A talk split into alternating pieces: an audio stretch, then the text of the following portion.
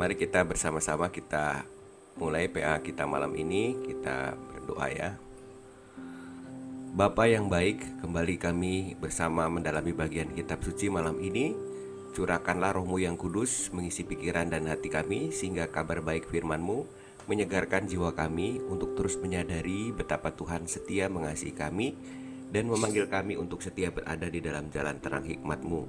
Dalam nama Yesus Kristus anakmu kami mohonkan ini. Amin. Oke, ya kita uh, sudah sudah terdengar Pak Paulus suaranya. Kita akan baca uh, bacaan untuk hari ini ya. Bacaan hari ini itu dari kitab Nabi Yeremia ya. Uh, saya akan bantu bacakan untuk kita. Kitabnya ini uh, bagian dari kitab nabi-nabi besar ya Yeremia ya. Yeremia 36 ayat 1 sampai 8 dilanjutkan uh, Yeremia uh, 36 6 ayat 21 23, 27 28 dan Yeremia 31 ayat 31 sampai 34. Dalam tahun yang keempat pemerintahan Pak, Yeremia berapa tadi? Yeremia 36 ya. ayat 1 sampai 8. Ya. Terus disambung. Lalu pasal 36 ayat 21 sampai 23. Ya. Lalu pasal 36 ayat 27 sampai 28 pasal 36 ayat 27 sampai 28. Ya. Lalu ini agak mundur nih Bu. Yeremia 31. Oh ya. Ayat 31 sampai 34. Iya. Ah, ah. Ya. Sudah dapat ya Bu Dar ya? Sudah, sudah dapat Pak. Ya. Nah, ini untuk untuk lebih memudahkan saya bisa bantu juga saya share screen ya. Ini dia. Dalam tahun yang keempat pemerintahan Yoyakim bin Yosia Raja Yehuda Datanglah firman ini dari Tuhan kepada Yeremia bunyinya Ambillah kitab gulungan dan tulislah di dalamnya segala perkataan yang telah kufirmankan kepadamu mengenai Israel Yehuda dan segala bangsa Dari sejak aku berbicara kepadamu Yakni dari sejak zaman Yosia sampai waktu ini Mungkin apabila kaum Yehuda mendengar tentang segala malapetaka yang aku rancangkan hendak mendatangkannya kepada mereka, maka mereka masing-masing akan bertobat dari tingkah langkahnya yang jahat itu sehingga aku mengampuni kesalahan dan dosa mereka. Jadi Yeremia memanggil Baruch bin Neria lalu Baruch menuliskan dalam kitab gulungan itu langsung dari mulut Yeremia segala perkataan yang telah difirmankan Tuhan kepadanya. Pada satu kali Yeremia memberi perintah kepada Baruk, "Aku ini berhalangan tidak dapat pergi ke rumah Tuhan. Jadi pada hari puasa engkaulah yang pergi membacakan perkataan-perkataan Tuhan kepada banyak orang di rumah Tuhan dari gulungan yang kau tuliskan langsung dari mulutku itu kepada segenap orang Yehuda yang datang dari kota-kotanya haruslah kau bacakannya juga." Mungkin permohonan mereka sampai di hadapan Tuhan dan mereka masing-masing bertobat dari tingkah langkahnya yang jahat itu sebab besar murka dan kehangatan amarah yang diancamkan Tuhan kepada bangsa ini. Lalu Baruch bin Neria melakukan tepat seperti yang diperintahkan kepadanya oleh Nabi Yeremia untuk membacakan perkataan-perkataan Tuhan dari kitab itu di rumah Tuhan. Ayat 21 dan 23 21 sampai 23 maaf. Raja menyuruh Yehudi mengambil gulungan itu lalu ia mengambilnya dari kamar panitera El Elisama itu. Yehudi membacakannya kepada raja dan semua pemuka yang dekat raja. Waktu itu adalah bulan yang ke-9 dan raja sedang duduk di balai musim dingin sementara di depannya api menyala di perapian.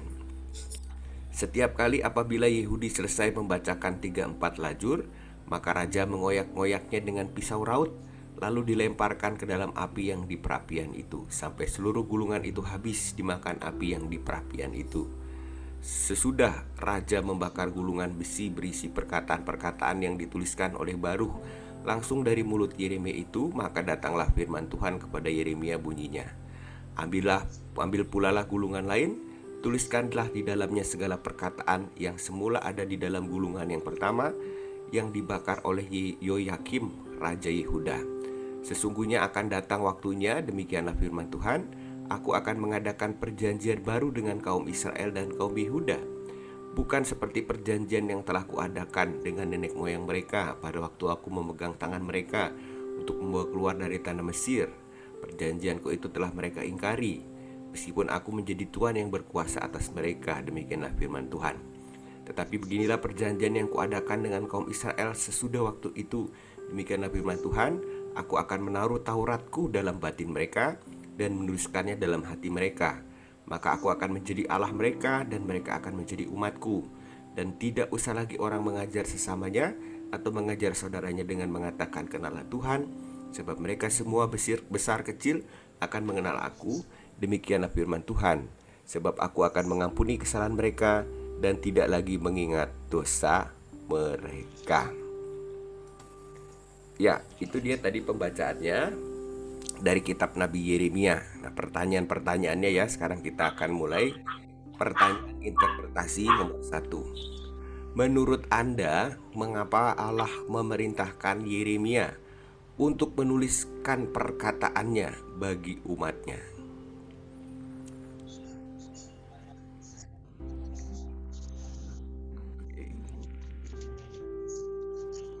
Silakan siapa dulu? Ibu Wiwi mungkin Bu Wiwi? Belum Pak. Baru, oh, maaf Pak baru baru masuk. Oke. Okay. Terlambat. Pak Bambang, silakan Pak Bambang. Jawabannya Pak ini Pak. Oke. Okay. Nah, Bentar, Pak. ya baik. Nah sementara itu saya akan bacakan dulu ya yang dari uh, teman-teman kita. Uh, di yang di WhatsApp ya, WhatsApp grup ini ya. Nah, kita melihat uh, ada beberapa tanggapan dari Ibu Dince, Ibu Yanti, dan juga dari Ibu Momoy ya tiga. Yang pertama itu dari Ibu Yanti, pertanyaan investasi nomor satu. Mengapa Allah menurut Anda memerintahkan Yeremia untuk menuliskan perkataannya bagi umatnya? Ya. Untuk memperingatkan dan segera bertobat kaum Yehuda dari perbuatannya yang jahat sehingga Tuhan mengampuni kesalahan dan dosa-dosa mereka. Demikian kata Ibu Yanti. Peringatan untuk bertobat ya. Lalu kata Ibu e, Momoy agar mereka masing-masing bertobat dari tingkah lakunya yang jahat sehingga Allah mengampuni kesalahan dan dosa mereka. Ya. Lalu Ibu e, Dince mengatakan e, supaya mereka tahu bahwa Allah menghendakinya menghendaki umatnya untuk bertobat ya. Itu nah ada dari ibu bapak yang mau menyampaikan tambahannya?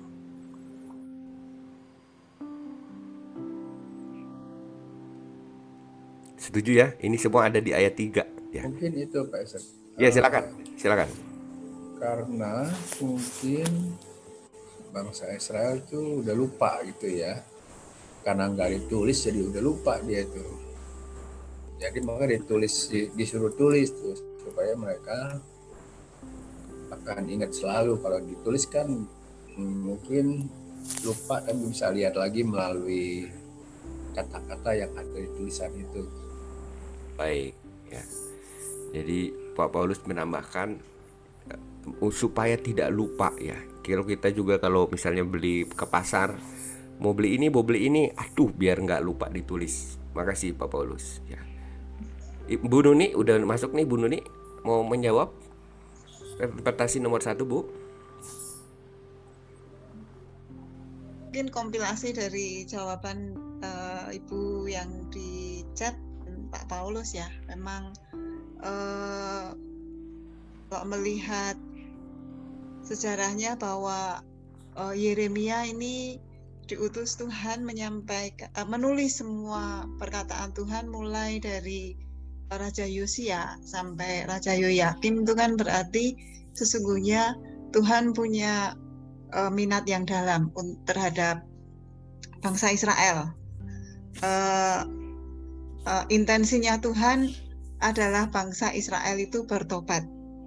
Maka uh, itu terus menerus perlu ditulis supaya uh, apa yang ditulis itu tidak lalu begitu saja diingat dan moga-moga harapannya dengan ditulis bisa dibaca ulang, mengingatkan orang, lalu orang bertobat.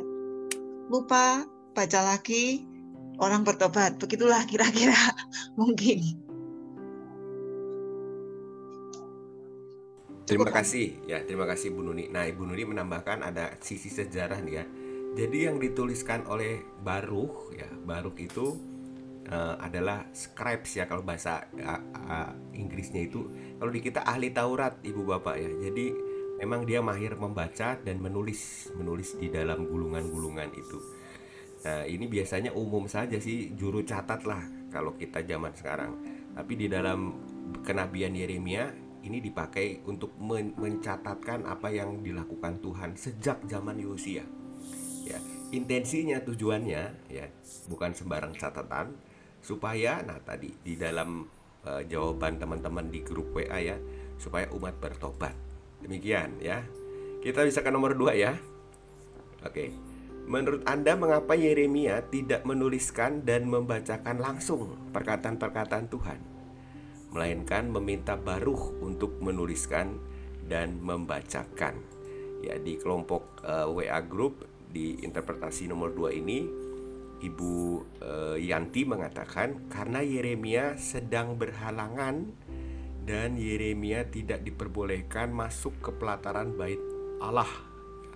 Baruk adalah sahabat dan juga juru tulis Yeremia. Dicantumkan ada di Yeremia 26 lalu juga ayat 1 sampai 24 Yeremia 24 ya, uh, Yeremia 26 ayat 1 sampai 24, Yeremia 36 ayat 5 sampai 8. Lalu kata Ibu Dince uh,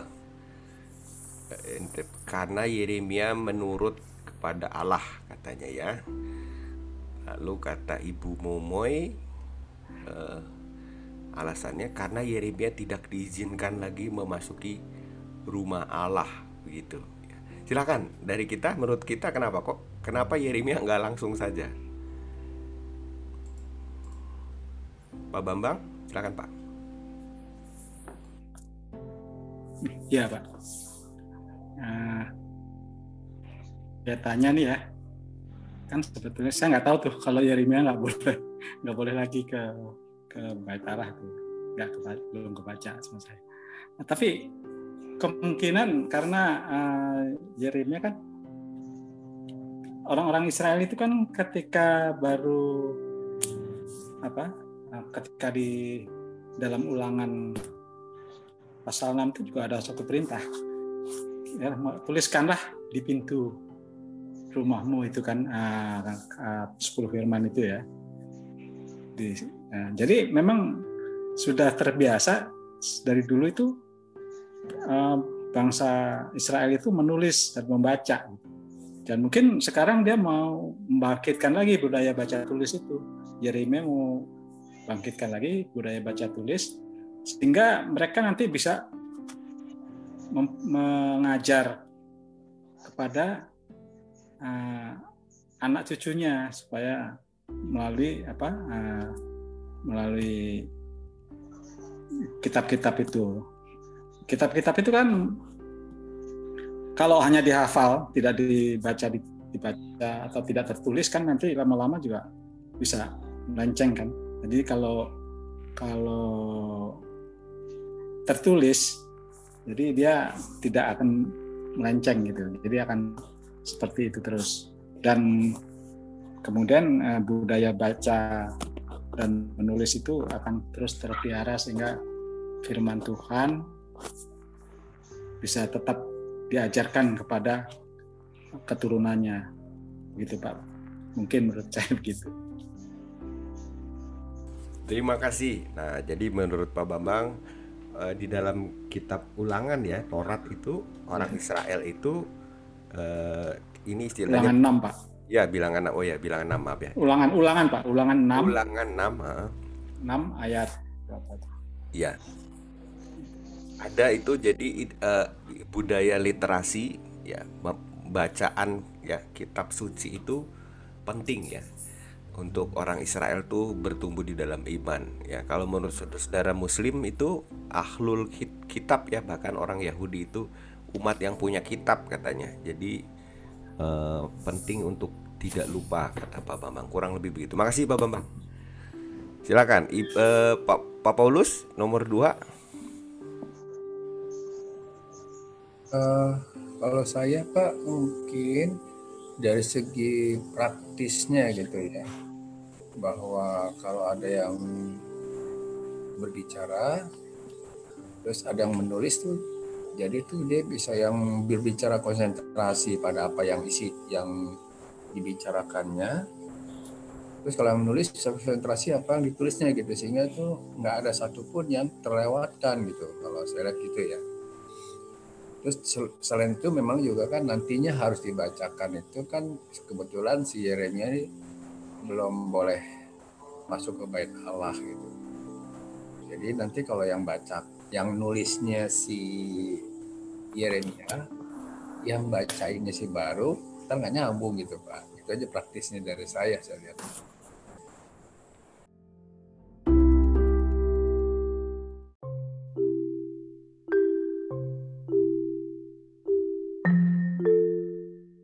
Terima kasih Pak Paulus ya.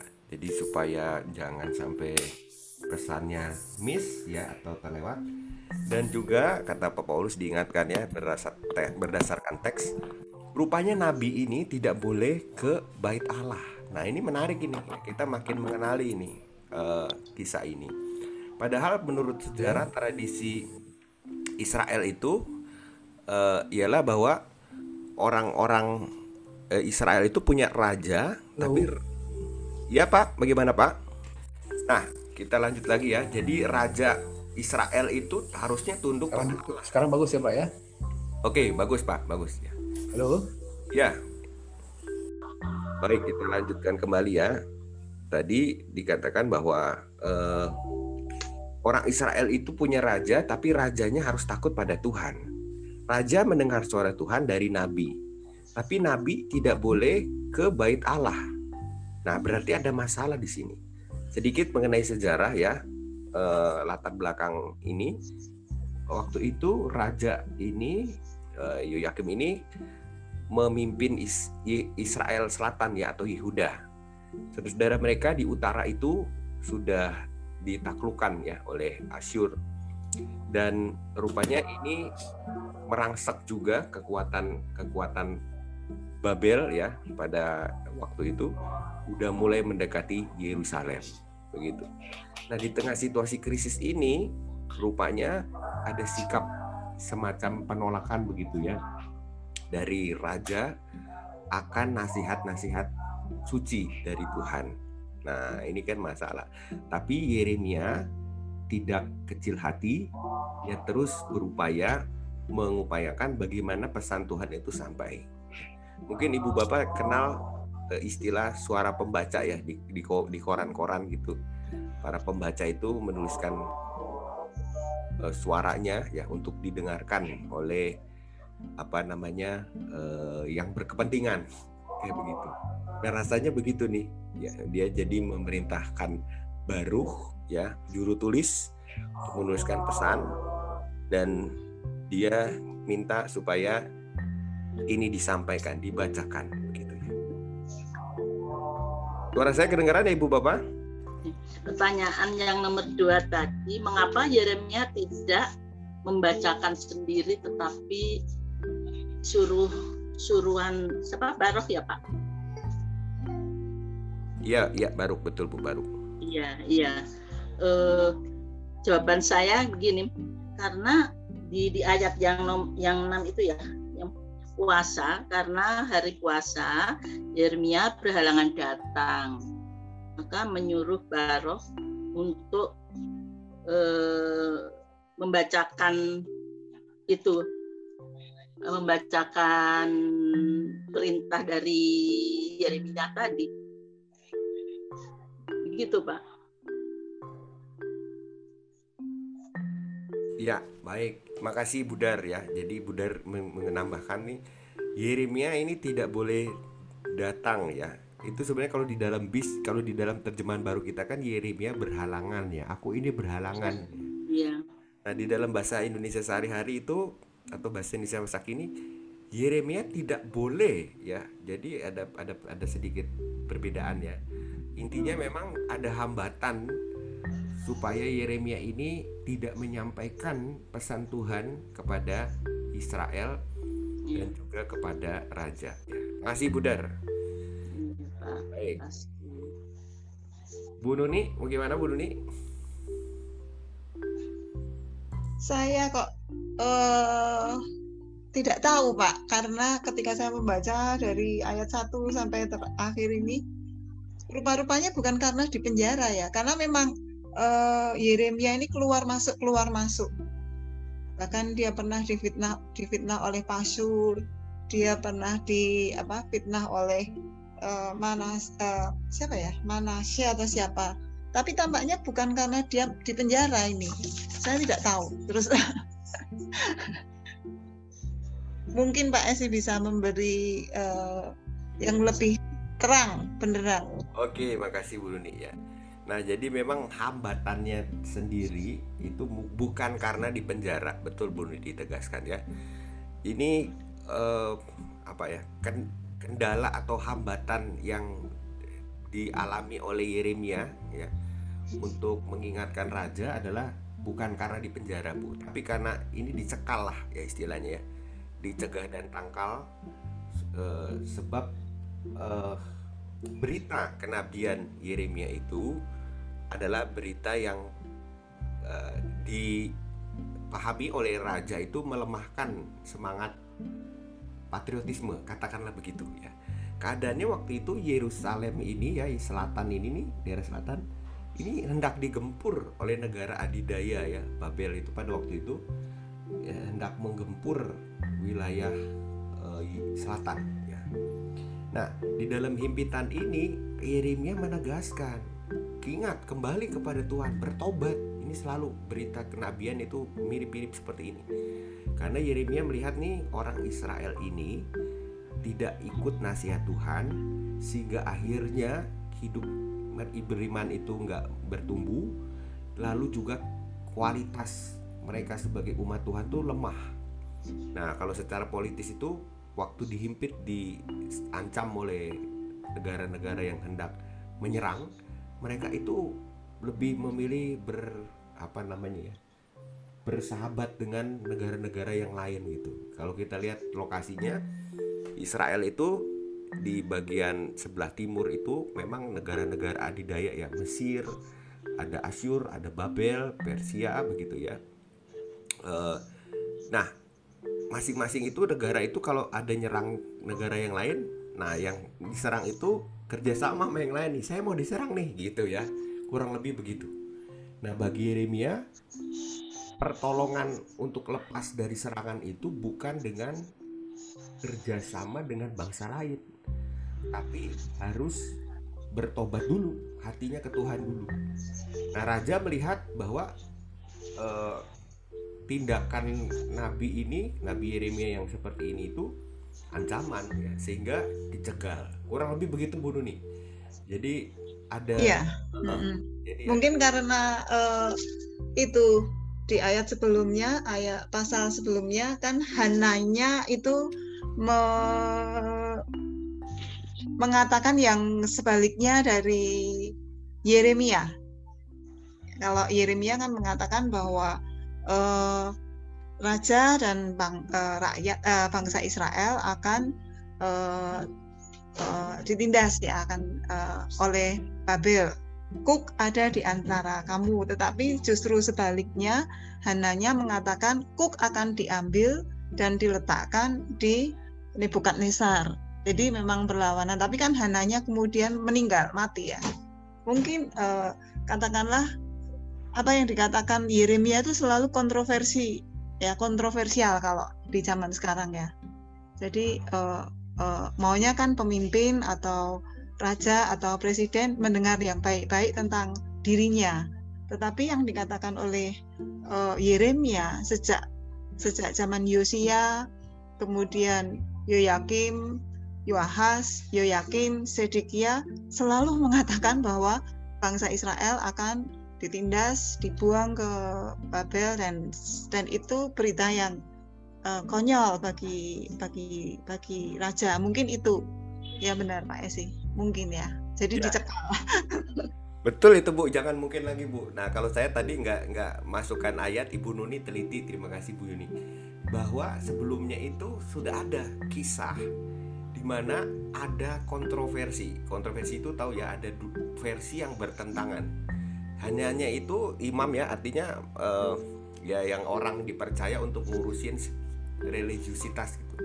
Hanya mengatakan bahwa ya nanti Nebukadnezar yang kalah tenang aja raja ya. Jadi kita aman tapi kata Yeremia enggak kalian kalian yang akan kalah karena kalian itu enggak taat Tuhan gitu ya kontroversi kan ya nah raja kan nggak mau denger yang ya kayak mungkin di mana pun ya termasuk negara kita kadang-kadang dan banyak negara lain kalau yang dianggap supersip gitu ya melawan apa kebijakan melemahkan semangat itu kan dikecilkan suaranya nah, Yeremia mengalami itu sehingga dia tidak boleh datang ke bait Tuhan, nggak boleh ibaratnya meracuni tanda kutip ya.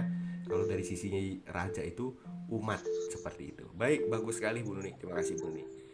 Jelas ya, kita bisa ke nomor tiga ya Ibu Bapak ya. Kecuali ada yang mau nambahkan nomor dua. Uh, kalau saya mau tanya boleh Pak? Boleh, boleh silakan Bu. Eh, maksudnya gini, kan Tuhan itu udah tahu ya kalau Yeremia itu berhalangan. Kenapa mesti uh, memberikan itu kepada Yeremia? tugas itu. Maksudnya gimana Bu? Pas Tuhan kan pasti tahu kalau Yeremia itu tidak boleh masuk ke rumah -hmm. Tuhan. Tapi kenapa justru memberikan perintah ini ke Yeremia gitu? Oke, baik. Ya, saya menangkap ya. Ibu Wiwi bertanya, kenapa kok sudah pasti ini akan mengalami kendala hambatan ya tapi kok tetap Yeremia diperintahkan. Nah ini seperti memang kalau istilah di perjanjian baru ya uh, kata Tuhan Yesus, aku mengutus kamu seperti serigala ya eh sorry maaf aku serigala oh. domba ke tengah serigala begitu ya artinya memang ini pesan yang harus disampaikan kepada umat gitu.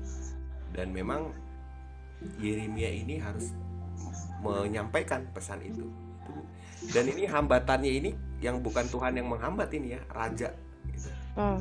jadi memang di dalam sejarah Israel ya Ibu Wiwi raja-raja yeah.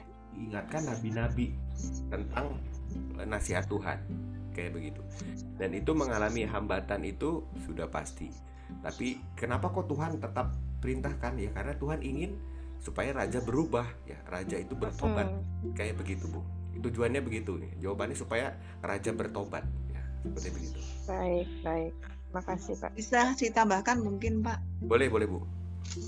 Di ayat eh, pasal 1 kan jelas sekali bahwa ketika uh, Yeremia mengatakan aku tidak pandai bicara tetapi Allah uh, sang pemilik hidup atau uh, pengatur kehidupan mengatakan bahwa sebelum kamu dikandung aku sudah merancang engkau maka aku tetap mengutus engkau dan di akhir pasal 1 ayat 19 dikatakan, mereka akan memerangi engkau tapi tidak akan mengalahkan engkau.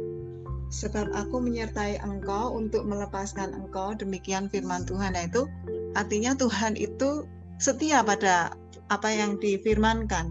Mengutus, e, konsisten gitu ya, mengutus dan mengatakan bahwa engkau memang akan dilawan, engkau e, mengalami kesusahan, tapi justru aku menunjukkan kuasa kuasaku atas kamu bahwa kamu selamat. Bagaimanapun perlawanan kamu hadapi. Mungkin gitu. Terima kasih Bu Nuni. Wah, lagi-lagi Bu Nuni mengingatkan ya. Di awal panggilan Yeremia memang sudah berat, tapi di situ ada janji Tuhan. Terima kasih Bu Nuni ya. Makin jelas ya. Baik. Ada lagi yang mau menyampaikan? Jadi jawaban yang uh, apa namanya? Nomor dua itu kenapa kok Yeremia nggak nuliskan dan bacakan langsung tapi minta baru karena memang Yeremia dihambat ya oleh raja dan istana lah katakan demikian. Karena suara Yeremia ini bertentangan dengan uh, kebijakan raja ya. Seperti itu ya. Tapi Yeremia tidak kecil hati dia pakai tulisan ya melalui baru ya. Melalui ada budaya literasi tadi Pak Bambang singgung dia. Budaya perjuangan ya melalui bacaan. Baik kita ke nomor tiga ya menurut anda mengapa setelah mendengar pembacaan perkataan-perkataan Allah yang dituliskan Yoyakim malah merusak kitab itu dan membakarnya? Ya di dalam pasal 36 ayat 21 sampai 23 saya bacakan dulu yang di grup WA ya Ibu Bapak ya. E, Ibu Yanti mengatakan karena kesombongan hati raja sehingga tidak perlu menghiraukan nasihat firman Tuhan dari gulungan itu. Lalu Ibu Momoy mengatakan raja marah karena diingatkan kembali untuk bertobat karena ia telah bertingkah laku yang jahat tidak menerapkan nasihat Allah. Ya. Ada sombong, eh, apa namanya? Ada tinggi hati, juga ada kemarahan, gak mau mendengarkan begitu ya, menghiraukan nasihat Tuhan. Lalu Ibu Dinja mengatakan di dalam interpretasinya e, karena pas di depannya ada perapian, tek pak apa teknisnya begitu ya memang. Jadi udah hatinya nggak seret ya, ker eh pas di depannya ada tuh perapiannya. Jadi jadi rusak, dicemplungin tuh dibakar. Nah itu dari teman-teman kita di grup WA. Gimana kita sendiri melihatnya? Silakan. Siapa dulu nih? Pak Bambang mungkin Pak Bambang. Ya kak, mungkin uh, perusakan dan pembakaran kitab itu merupakan satu bentuk rasa tidak sukanya sang raja ya terhadap firman Tuhan yang yang dituliskan oleh siapa namanya? Baruk. Ya. Karena apa? Karena kitab itu berisi tentang malapetaka yang Tuhan rancangkan untuk didatangkan kepada Yoyakin ya. jika uh, Yoyakim dan orang Israel itu tidak tidak bertobat. Jadi maksudnya agar raja dan orang-orang Israel itu bertobat gitu. Ya Pak, terima kasih Pak. Gitu aja.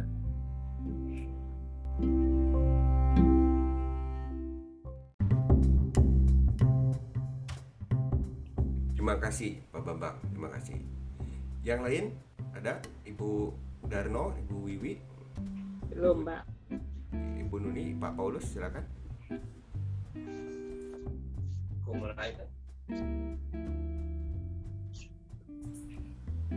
Ibu Nuni mungkin, Bu Nuni?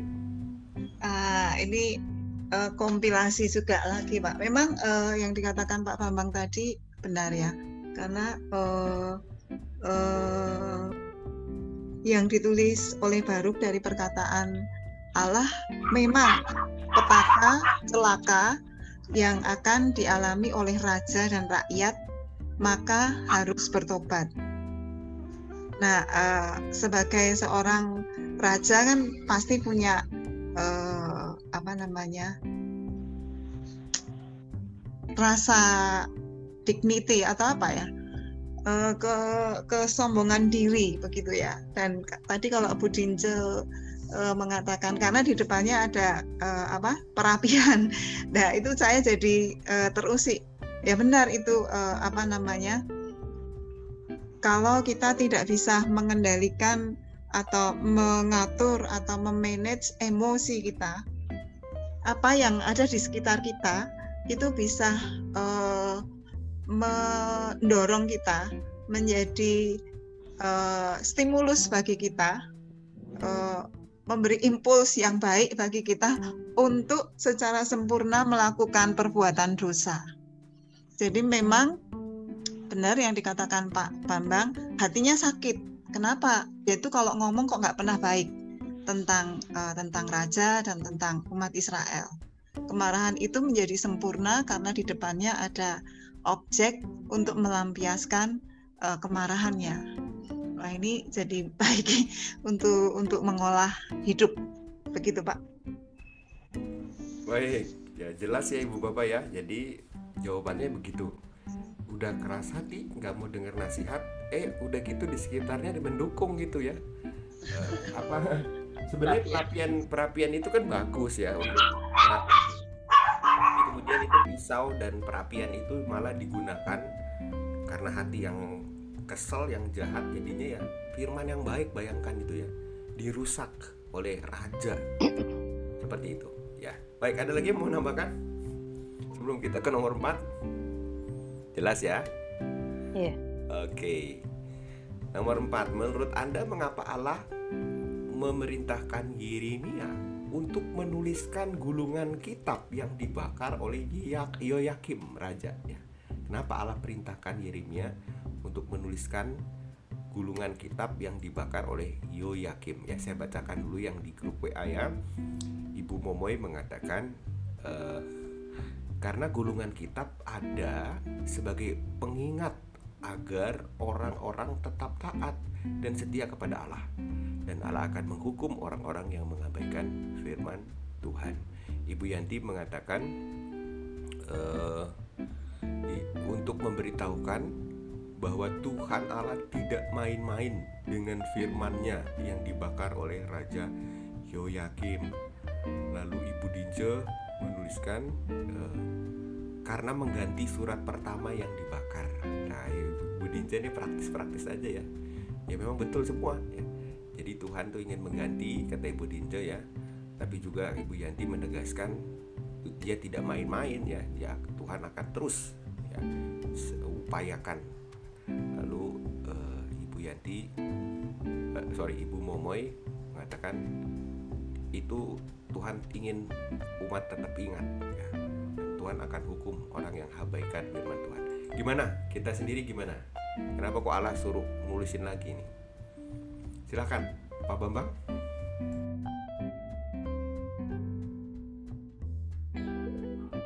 Ya, ya mirip-mirip Pak jawabannya yang yang sudah kirim itu ya. Ya, jadi kan memang sudah menjadi tradisi ya. Seperti yang saya katakan tadi di ulangan 6 juga juga Tuhan memerintahkan tuliskan gitu ya. Tuliskan uh, firman yang sudah diucapkan itu ya mengenai apa? Uh, 10 firman Tuhan itu. Nah, saya kira kalau yang surat apa gulungan kitab gulungan pertama dibakar ya ya seperti ibu-ibu tadi sebutkan kan mesti ada penggantinya supaya apa supaya supaya anak cucu anak cucu orang Israel itu dan bangsa-bangsa lain tentunya di masa depan itu tidak kehilangan jejak jadi ada apa eh, pengajaran-pengajaran yang tidak menyimpang karena Tuhan memang sudah menerapkan firman-Nya itu supaya ditulis dan ajaran-ajarannya supaya ditulis. Saya kira gitu aja Pak. Terima kasih Pak. Terima kasih Pak Bambang. Ibu Wiwi gimana Bu Wiwi? Ya, saya, saya belum tahu nih rencana Tuhan apa kok disuruh nulis lagi ya. Ya mungkin sebagian seperti yang tadi itu Pak, yang dikatakan Bu Nun ini atau katakan Bapak yang itu, mungkin eh, orang yang belum tahu isi gulungan itu bisa mengetahui dengan adanya gulungan yang kedua itu. Oke, siap ya. Jadi itulah alasannya ya, cukup jelas bahwa Tuhan itu menghendaki bahwa apa yang disampaikan itu eh, walaupun manusia keras, Tuhan keras tapi kerasnya keras baik nih ya. Dia tetap keras untuk mengasihi ya. Dia ingin supaya umatnya itu tetap tetap dapat pesannya. Dan tadi Pak Bambang saya tertarik tuh ya, ada jejak ya, setuju ya. Jadi nah kalau zaman sekarang jejak digital. Nah, ini ini kalau kita rekam pertemuan malam ini ya ini mudah-mudahan jadi jejak digital nih ya. Selagi internet masih ada, nanti setiap orang-orang yang mungkin tertarik untuk menyimak kembali kisah ini antara lain bisa- Hari ini nggak ikut gitu. Ya betul ya Bisa juga sama-sama belajar Oke terima kasih Bu Wiwi dan Pak Bambang Ada lagi Pak Paulus Pak Paulus silakan Udah bisa Pak di unmute Pak Bahwa eh, yang nomor 4 ini Kenapa kok Allah perintahkan Yeremia tuliskan gulungan kitab yang dibakar oleh Yoyakim? Supaya ada pengganti Dan supaya ditegaskan firmannya itu nggak bisa dihambat oleh kekerasan hati manusia. Allah juga keras, keras untuk mengasihi supaya umatnya itu sadar dan bertobat. Nomor lima, menurut Anda apa arti dari Allah menaruh Tauratnya dalam batin dan menuliskannya dalam hati umatnya? Yeremia 31 ayat 33 ya. Ini akan ada saatnya Allah taruh Taurat di dalam batin, dituliskan dalam hati umatnya. Silakan Pak Bambang dulu mungkin Pak Bambang. Ya. Nah, ayat ini di, ditulis ulang Pak ya oleh penulis surat Ibrani ada di pasal 8 ayat berapa ya? Ayat 10 apa ya? Jadi jadi mungkin ini eh, sebuah nubuatan bahwa pada satu saat nanti umatnya umat Allah itu yang betul-betul bertobat itu akan mendapat karunia Roh Kudus di dalam hatinya sehingga orang-orang yang telah menerima Roh Kudus ini mendapat karunia mampu mengubah diri mengubah diri bertumbuh sesuai dengan apa yang difirmankan Tuhan.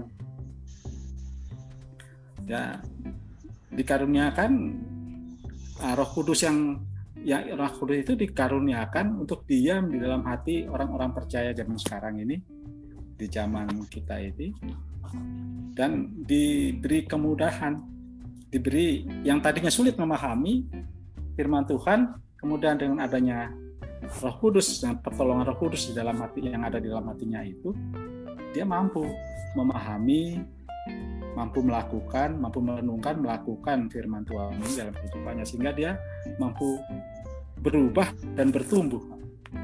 Mungkin begitu Pak ya. Terima kasih Pak. Terima kasih Pak. Ya, jadi ada segi dari Tuhan ya, bukan hanya kekuatan kita, ada sisi dari Tuhan yang membuat orang itu mengalami pertumbuhan karena firman-Nya. Baik, makasih Pak Bambang. Ibu Nuni, mungkin Bu Nuni? Silakan Bu Nuni. Iya, tapi ini belum ini interpretasi ya Pak ya. Iya, interpretasi. Jadi Bebas. Bu. eh gini, kalau di ayat di atasnya kan dikatakan aku akan eh, mengadakan perjanjian yang baru tidak seperti dengan nenek moyangmu yang mengingkari perjanjian. Nah, supaya perjanjian ini tidak diingkari, maka aku menuliskannya, menulis Tauratku ke dalam batin dan menuliskannya di hatimu, eh, hati umat Allah. Maunya itu supaya tidak di diingkari seperti eh, perjanjian nenek moyangnya ketika eh, mereka dibawa keluar dari tanah Mesir. Mengapa eh, di dalam batin dan di dalam hati? Kalau saya pernah belajar ini eh, inti spiritualitas itu eh, di bat- batin itu ada eh, terdiri dari tiga tiga tiga dimensi Eh, pikiran, hasrat, hasrat itu kehendak dan rasa. Jadi kalau Tauratnya ditaruh di batin itu artinya baik ditaruh di pikiran, di dalam hasratnya, dorongan-dorongan hidup manusia dan di dalam hati eh, di dalam eh, rasa. Bagaimana Taurat Tuhan itu dirasa-rasakan, dipikirkan dan menjadi hasrat dalam hidup umatnya.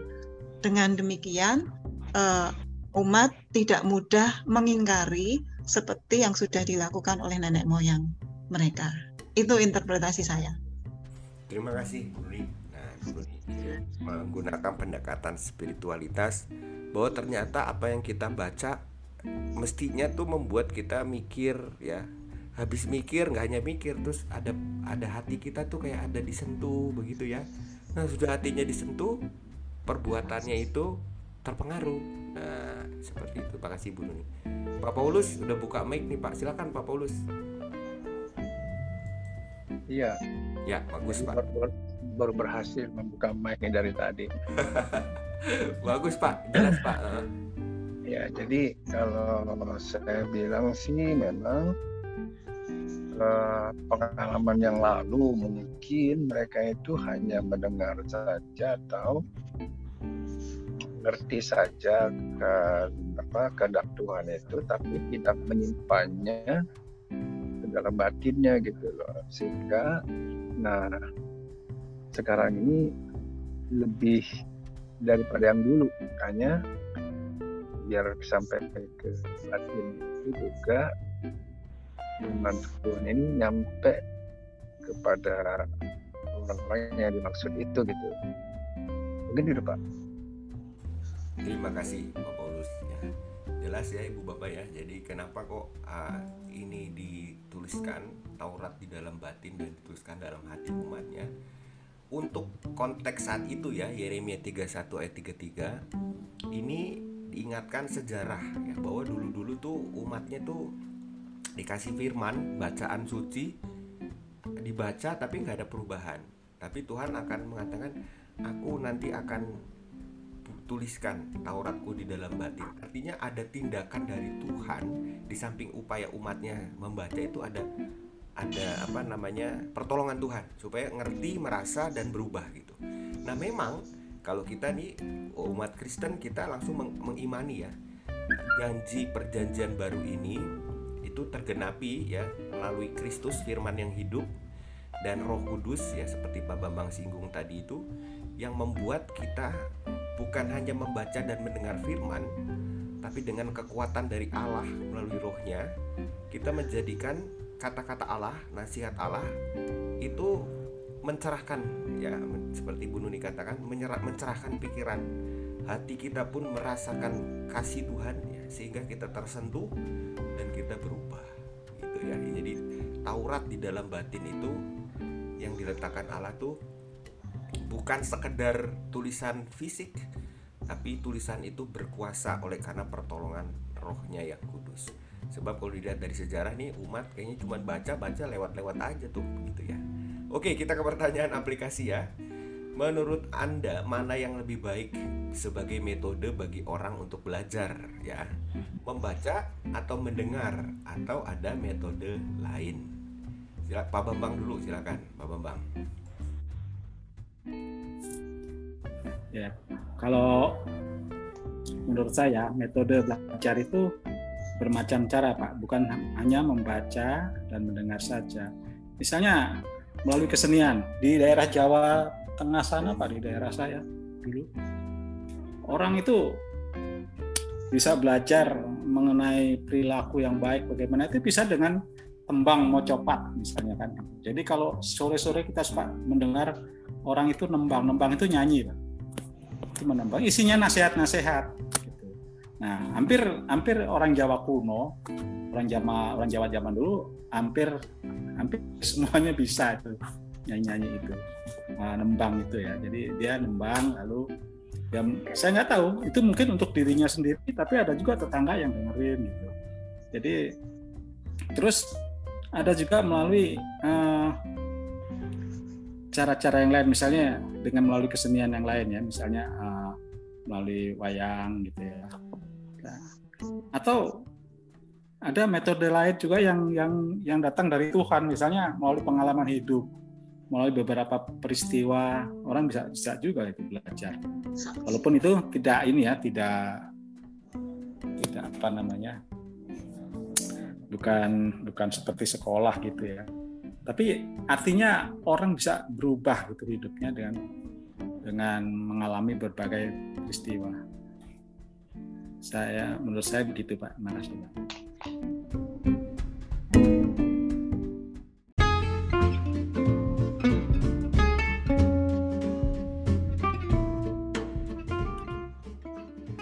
Makasih Pak Bambang. Jadi selain itu ya menembang ya itu tradisi kita tuh ya. Baca, denger juga, tapi juga metode lain bisa ya. Peristiwa-peristiwa hidup tuh bisa. Makasih Pak Bambang. Ibu Darno, silakan Bu Darno. melalui kesenian maaf maaf ada gangguan Ya, metode. Apa? Selain membaca dan mendengar apa ada metode lain Bu? Untuk kita bisa belajar? ya. Membaca dan mendengar. Tadi Pak Bambang sudah menyampaikan melalui apa ya seni, seni apa tadi eh, macapat dan sebagainya. Itu eh, saya melalui lagu Pak. Lagu ya, baik baik. iya jadi kita belajar melalui lagu-lagu rohani itu semuanya ada di situ sambil eh, umpamanya nih umpamanya eh, lagu eh, apa itu? Hidup ini adalah kesempatan itu ya di antaranya itu umpamanya itu jadi kita memberikan teladan atau mengajar itu bahwa hidup ini adalah suatu kesempatan. Jadi tidak melalui ini saja tapi melalui lagu bisa itu nambah menambah menambahin dari Pak Bambang tadi Pak Baik, makasih Bu Dar ya. Lagu juga bet- bet- bet- betul sekali Bu ya. Jadi gereja itu kita adalah gereja yang bernyanyi. Bahkan orang Kristen tuh kematian aja kok nyanyi gitu ya. Orang pada sindir. Tapi ya sebenarnya dari lagu bisa menguatkan ya betul. Sebenarnya lagu itu kita juga bisa belajar. Kita bisa di- dikuatkan gitu ya. Ah, Bahkan buku-buku nyanyian kita itu ya, itu kan liriknya bukan sekedar eh, menguatkan tapi ada firman Tuhan ya kita diajar diingatkan ya. Jangan takut tiap langkahku diatur oleh Tuhan ya. Takut tahu kan hari esok tapi tangan Tuhan pegang ya. Baik gitu. Yaitu melalui lagu kita bisa belajar. Makasih Ibu Dar lalu Ibu Wiwi silakan Bu Wiwi kalau memba untuk belajar itu mana yang lebih baik baca atau dengar? Atau ada metode lain Bu? Me- membaca itu bagus. Tetapi kalau tanpa diingat dan, dan tanpa mempraktekkan kayaknya susah ya. Tapi ada juga yang eh, kita bisa mengingat itu bisa juga melukis ya Pak. Dilukiskan gitu. Melalui lukisan itu setiap kali kita melihat lukisan itu kita mengingat. Seperti itu Pak. Sehingga timbul lagi eh, ini perintah Tuhan itu waktu itu seperti ini melalui lukisan itu kita bisa mengingat lagi gitu Pak Baik, terima kasih Ibu Wiwi. Nah, ini menarik nih aktual ya. Bu Bapak kan sekarang kita itu udah ada teknologi ya. Saya kayak di gereja kita tuh di belakang di atas mimbar kan ada eh, TV gede itu ya, layar besar. Nah, itu bisa juga dimanfaatkan kalau misalnya ada penyampaian firman, ada alat peraga, gambar-gambar ya kata Ibu Wiwi itu tadi. Itu bisa tuh ya dilukiskan. Misalnya kita ingin menggambarkan Tuhan yang hadir di tengah badai hidup lalu di sana ada Tuhan Yesus ya kan ada murid-muridnya di tengah badai itu kita bisa nangkep tuh ya melalui gambar-gambar Ya, oke makasih Bu Wiwi Ibu Nuni silakan Bu Nuni Ah ini saya agak nakal ini Pak. boleh Eh, metode, mohon jangan maaf. bandel ya Eh, karena ini metode yang baik ya Pak ya. Eh, Metode yang baik itu tidak sama dengan metode yang efektif. Jadi saya lebih suka ke yang efektif. Efektif itu artinya berdaya eh, bagi kita, berdaya guna bagi kita yang belajar. Memang benar yang disampaikan oleh eh, Bu Wiwi tadi juga Bu Maria eh, eh, Pak Bambang juga eh, saya ingat ketika belajar quantum learning itu membahas tentang eh, tujuh kecerdasan orang yang bisa eh, dipakai untuk belajar secara efektif. Kalau saya belajar secara efektif, ya membaca. Tetapi anak saya eh, belajar itu lebih efektif kalau dia sambil nyanyi. Nyanyikan seperti tadi yang Bu eh, Darno katakan ya nyanyi. Pak Pak Bambang juga mengatakan itu lebih mudah masuk lebih mudah dipahami. Atau kecerdasan eh, spasial seperti yang eh, visual spasial seperti yang dikatakan Bu Wiwi tadi sam- sambil melukis atau orang yang punya kecerdasan kinestetis sambil bergerak sambil berolahraga yang ditangkap dipelajari itu lebih efektif baginya Eh, itu yang saya tangkap. Jadi masing-masing orang memang punya kecerdasan yang berbeda-beda. Dengan kecerdasannya itu bisa belajar secara efektif dan baik. Terima Begitu. kasih Bu Nuni. Ya, ini nggak nakal ini Bu, ini justru bagus ya. Karena kita diingatkan bahwa Tuhan itu menciptakan kita dengan keunikan ya. Seringkali ada anak dibilang kamu kok lambat belajar. Mungkin bukan karena lambat belajar. Tadi kata Ibu Nuni itu nggak efektif buat dia gitu. Kalau misalnya kita ngomong panjang lebar gitu nasihatin pakai kata-kata. Tapi dia sebenarnya tuh cara belajar dia bukan lewat kata-kata. Misalnya lewat tulisan ya kita tulis gitu ya. atau kita lewat lewat lagu seperti anak bunuh dikit seperti itu gitu ya. Nah ini setiap orang beda-beda ya. Jadi intinya itu metode itu adalah cara ya alat untuk mencapai tujuan. Dan metode itu nggak hanya satu saya ingat kalau ke eh, papa saya dulu montir ya ibu bapak yang benerin mobil gitu Nah itu sering kali tuh metodenya beda-beda. Papa udah tahu nih, wah ini masalahnya di sini. Dia segera keluarkan tuh uh, kunci segala macam ya. Pakai obeng, wah nggak bisa diketok sedikit gitu. Nah itu kan kayak gitu ya. Setiap itu apa uh, alat-alat itu berharga dan pendekatan-pendekatan itu beragam ya nggak apa-apa. Yang penting kan tujuannya mobilnya itu oke kembali. Sama kita juga gitu ya. Jadi jangan terus kita me, me, mencontoh gitu ya. Wah orang lain belajar Alkitab mesti gini. Aku juga mesti gini deh. Nggak nggak nggak nggak, nggak begitu juga gitu ya. Kita bisa punya banyak ragam untuk uh, belajar. Makasih Bu nih Pak Paulus silakan Pak Paulus.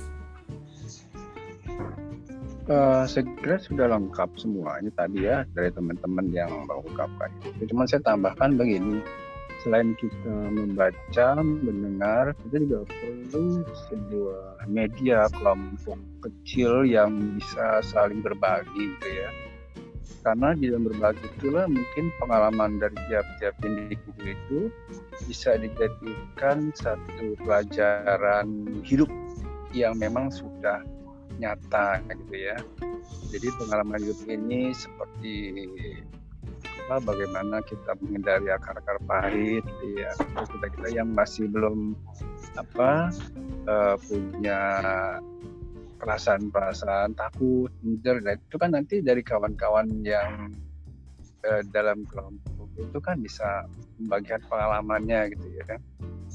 Nah selain itu juga saya lihat begini ya, kenapa orang-orang itu kadang-kadang nggak berubah, nggak bisa berubah, meskipun sudah membaca ataupun mendengar, yaitu karena memang ada dasarnya itu ada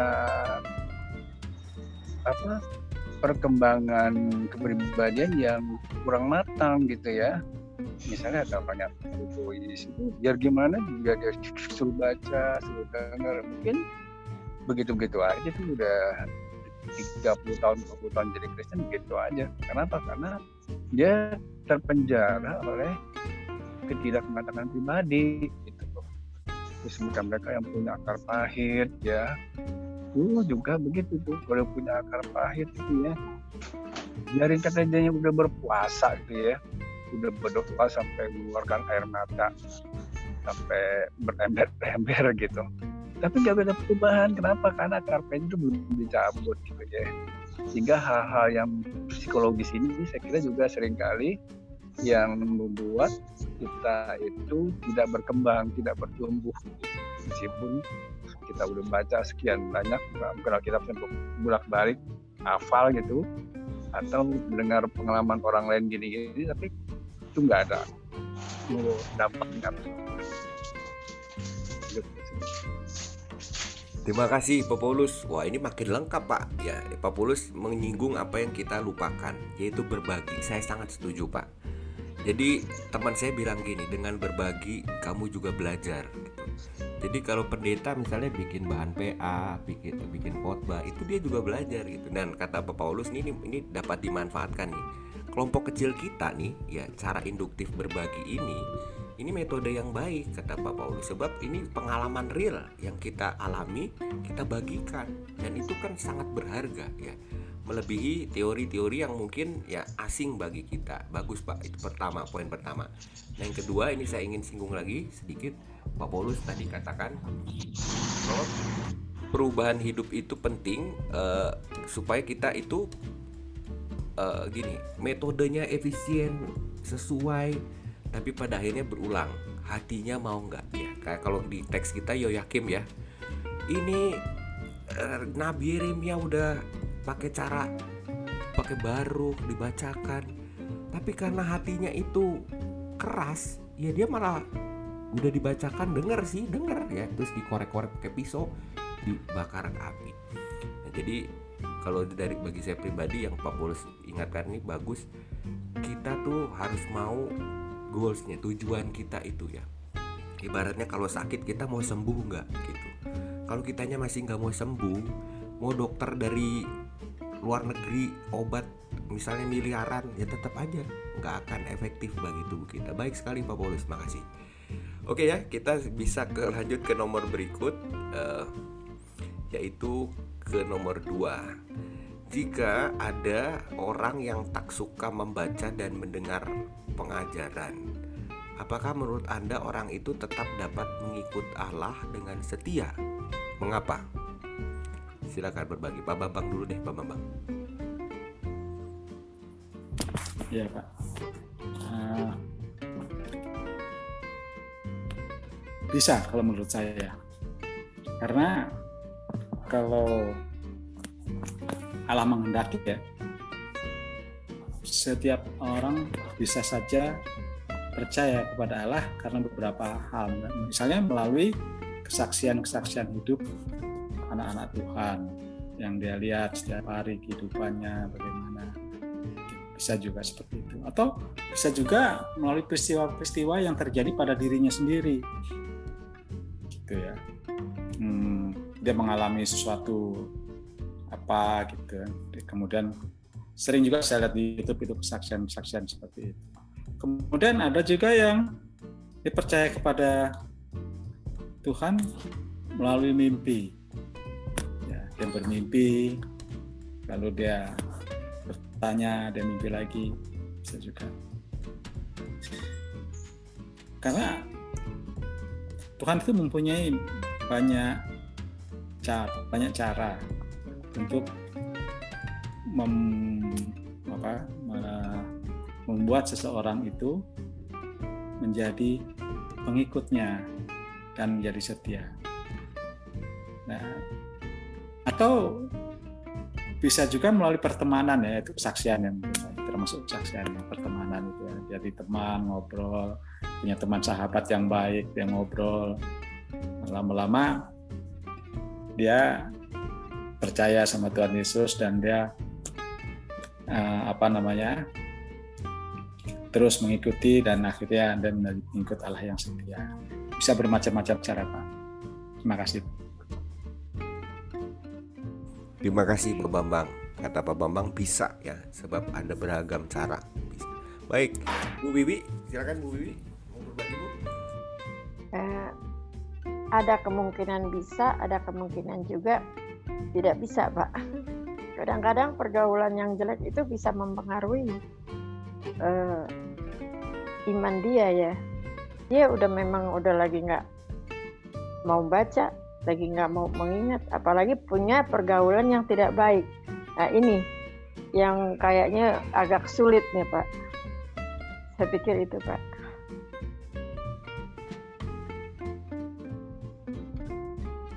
Terima kasih. Ya Ibu Wiwi mengingatkan juga ada keseimbangan ya.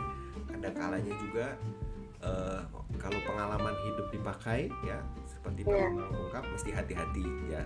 Sebab bisa jadi uh, apa namanya kecelek gitu ya. Uh, ada ada uh, serigala berbulu domba atau iblis menyamar kita mesti hati-hati ya. Nah mungkin di situlah ada tetap pegangan dari firman Tuhan ya kalau saya di dulu uh, diingetin sama teman-teman pendeta waktu kami sekolah teologi ya. Hati-hati kalian ya kan? Banyak belajar teologi itu. Nah kalau artinya tetap perlu ada mentor gitu ya. Jangan sampai kalian belajar sendiri terus nanti malah sesat gitu ya. Mungkin berimbang ya. Jadi ini yang Pak Bambang katakan nggak salah ya tapi juga pengalaman hidup kita mesti juga eh, waspada begitu ya supaya jangan tersesat. Makasih Bu Bibi Ibu Darno? Ibu Darno silakan Bu di unmute dulu Bu. Kira sama eh, bisa enggak dan bisa juga iya Pak. Karena kalau eh, bisa maksud saya bisa setia dan bisa enggak. Karena Tuhan itu memanggil dengan segala cara. Tiada yang mustahil Pak ada orang yang sama sekali tidak mau mendengarkan jangankan mendengarkan dengan apa ini aja dia nggak suka dengan Tuhan lah ya. tapi suatu saat uh, dia terpanggil karena ya tadi seperti Pak Bambang sama Bu Wiwi tadi Tuhan banyak jalan untuk memanggil seseorang ya untuk percaya pada Tuhan tapi ada juga yang benar-benar nggak mau dan itu jadi ada dua bisa nggak? Bisa bisa. Itu aja saya saya dengar dari Bu Wiwi sampai sudah cukup makasih makasih ya. Jadi bisa iya bisa kan makasih benar. Bu Nuni silakan Bu Nuni. Waduh, ini saya yang paling konservatif sekaligus radikal. Boleh boleh Bu ayo Bu Karena di sini dikatakan apakah seseorang bisa setia mengikuti Allah? Bisa setia mengikuti Allah, bukan Setia. panggil, ya. Jadi kalau saya secara konservatif eh, tidak menjawab. Eh, dimulai dengan Tuhan itu eh, memang maha kuasa, maha rahim, maha baik, tetapi juga eh, eh, dalam sejarahnya seperti kisah eh, yang kita baca dari Yeremia itu eh, menghendaki eh, apa namanya tanggapan manusia secara sadar dan total. Dan tanggapan manusia itu dimulai dari indera. Kalau indera penglihatan dan pendengarannya tidak pernah disentuh, apakah dia punya semacam referensi untuk bisa mengenal kasih Allah? Maka tadi eh, ketika kitab gulungan pertama itu di- dibakar, Tuhan Allah minta ditulis lagi supaya ada eh, sesuatu yang menjadi referensi di kemudian hari. Eh, baik itu untuk mengingatkan, baik itu ini loh sejarah nenek moyangmu dulu seperti ini dan sejarah Tuhan Allah yang setia mengingatkan. Jadi ada terus-menerus referensi yang dipakai oleh eh, Allah kepada manusia eh, yang melibatkan indrawi manusia. Jadi untuk menjadi setia kita tetap membutuhkan referensi. Maka ada kitab suci. Kitab suci itu kita baca setiap hari. Sekalipun eh, kadang tidak mengerti isi kitab suci dan dan seolah-olah eh, menjemukan. Saya setiap hari sekeluarga membaca kitab suci. Ketika sampai di imamat, ketika sampai di bilangan, kita orang Jawa bilang bekah bekuh gitu ya. Nggak tahu apa artinya, tapi ya tetap dibaca. Nah, dari situ kita lihat bahwa eh, sejarah hidup manusia itu diselenggarakan oleh Allah dengan cintanya, dengan kasihnya. Dengan begitu kita juga bisa setia mengikuti Allah. Jadi secara konservatif sekaligus radikal saya menjawab tidak. Untuk menjadi setia tetap harus membaca dan mendengarkan. Beda dengan yang tadi belajar secara efektif. Begitu. Mohon maaf kalau saya salah.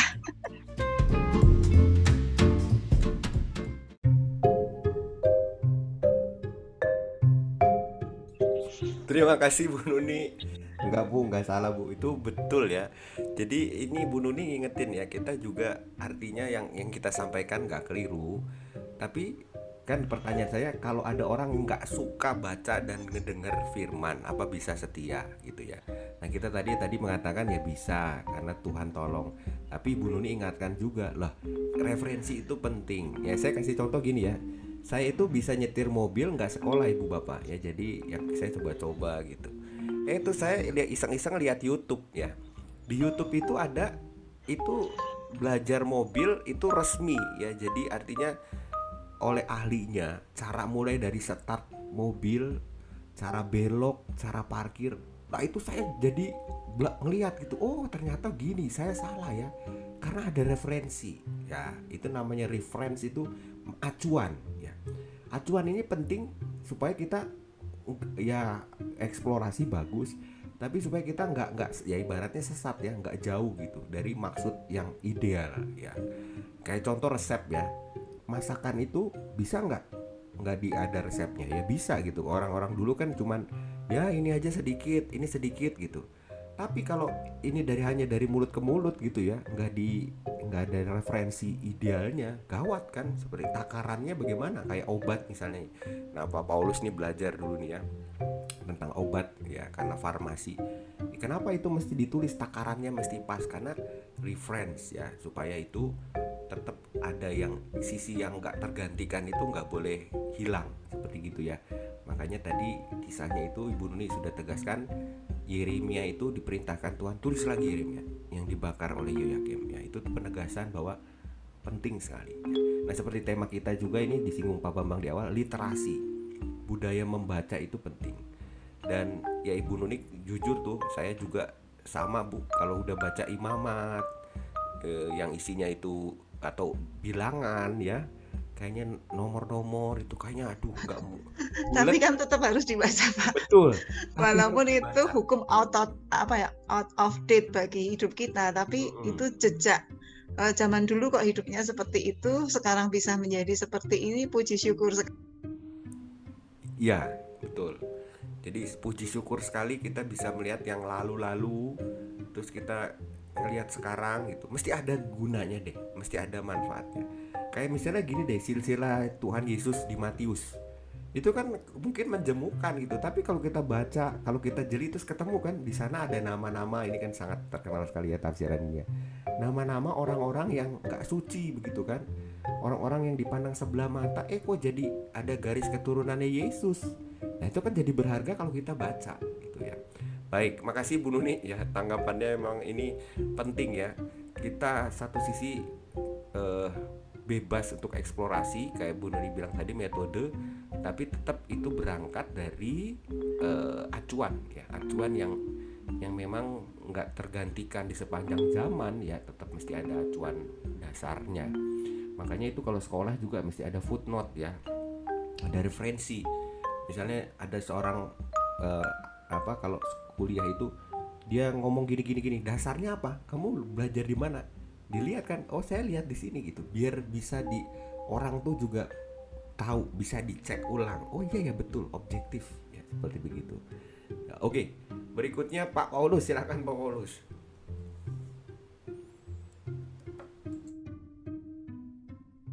Kalau saya mungkin berbeda dengan Ibu Nunik tadi ya, bahwa meskipun orang itu tidak membaca, tidak suka mendengar juga firman Tuhan, tapi bisa saja dia menjadi percaya dan eh, menjadi apa setia sama Tuhan ya. Kenapa? Karena yang namanya iman itu adalah bukanlah semata-mata pikiran ya tapi adalah hubungan pribadinya dengan Tuhan gitu. Bagaimana dia bisa mengalami sendiri bersama Tuhan ya bagaimana dia bisa membuka diri bagi turunnya Roh Kudus itu ke dalam jiwanya itu gitu karena kita kalau misalnya ya Roh Kudus itu sudah menggerakkan kita ya. Mungkin hal-hal yang nggak disangka-sangka itu bisa terjadi gitu ya. Dan justru Roh Kudus itulah yang melunakkan hati kita, melunakkan kekerasan hati kita ya, menyembuhkan luka pahit kita untuk kita menjadi mengenal Tuhan Yesus. Terima kasih. Terima kasih Pak Paulus ya. Jadi kata Paulus bisa saja ya kalau orang yang da- dengan pertolongan Roh Kudus ya mungkin nggak sesempurna yang baca dan dengar Alkitab, tapi kalau dia ibarat katanya ada sahabatnya ya yang dampingin, terus hatinya juga lembut untuk terus mau belajar belajar itu bisa ya. Tapi memang perlu ada yang sahabat ya. Sahabat utamanya itu Roh Kudus kata Paulus juga orang-orang yang tahu kitab suci yang sedia dampingi. Baik. Ada yang belum? Ibu Wiwi? Ya ibu Wiwi silakan Bu Wiwi. Uh, saya jadi teringat itu ya Pak. Uh, yang firman yang mengatakan itu semua kalau Tuhan tidak kehendaki tidak akan terjadi. Ya kan? Apalagi kita tidak boleh abu-abu. Tuhan itu akan memuntahkan kita. Jadi orang itu berkeinginan tapi Tuhan tidak menghendaki. Kayaknya itu tidak bisa, tidak akan kesampaian gitu, Pak. Nah, jadi ini tidak terlepas juga dengan hak pilihnya Tuhan, gitu. Seperti itu bisa nggak Pak ya? Ya, maksudnya maksud Ibu Wiwi eh, nggak uh, boleh hitam putih itu dalam arti gimana tuh Bu? Imannya Pak, imannya gitu. Pamannya kalau iya iya katakan iya mau ikut mau taat sama Tuhan. Hmm. Tapi di lain saat di lain waktu tidak gitu. Jadi Tuhan itu tuh tidak suka itu. Okay. Jadi Tuhan juga berke Tuhan juga berapa hak prerogatifnya tuh Pak. Jadi udah deh kalau kayak gitu kamu mau baca kayak apa saya tidak saya tidak berkehendak sama kamu gitu. Oh. Jadi itu tidak akan terjadi gitu, tidak akan bisa setia selamanya kamu sama saya gitu, seperti itu Pak. Apa bisa kayak gitu Pak? Ya, saya coba nangkep ya. Jadi kalau dalam kaitan pertanyaan kita, menurut Ibu Wiwi, ya ini sejiwa dengan Ibu Nuni sih tetap kita itu mesti baca dan dengar firman ya nggak boleh yeah. kita uh, tetap ada ibaratnya itu kayak kita nembak bintang kan ya. Walaupun nggak kesampaian kita tetap nembaknya bintang itu nggak boleh yang lain ya. Jadi uh, arahnya tetap kita mesti setidaknya membaca mendengar kitab suci itu penting ya. Uh, apa nah sauhnya itu ya kalau kapal itu kalau berlabuh kan jangkarnya itu diturunkan ya yang berat itu yang nyentuh karang tuh sehingga ombak tuh ombak pelan ombak pelan aja tuh bisa bawa kapal ke tengah tuh kalau nggak ada jangkar. Makanya itu mesti ada jangkar sauh ya nah mungkin firman Tuhan tuh jangkar itu ya supaya ombak-ombak hidup kita ya yang mungkin pelan-pelan kita nggak sadar nih bisa bawa kita nyasar ya enggak enggak ke situ. Gitu kurang lebih ya Bu ya iya. jadi uh -uh kehendak Tuhan tuh tetap mesti pokoknya kamu tuh mesti ikut aku gitu ya. Oke makasih. Bagus semuanya ini apa jawabannya inspiratif semua ya. Oke pap ada lagi yang mau disampaikan? Kita ke nomor yang ketiga ya. Selama ini cara apa yang paling baik bagi anda untuk belajar firman Allah sehingga dapat memengaruhi hidup anda? Ya ini kita berbagi cara ya. Silakan Pak Bambang dulu ya Pak Bambang. Cara. Ya. Ini uh, cara apa yang paling baik bagi anda untuk belajar firman Allah sehingga dapat mempengaruhi Pak ya mempengaruhi hidup hidup kita. Jadi kalau menurut saya itu ada tahapannya Pak.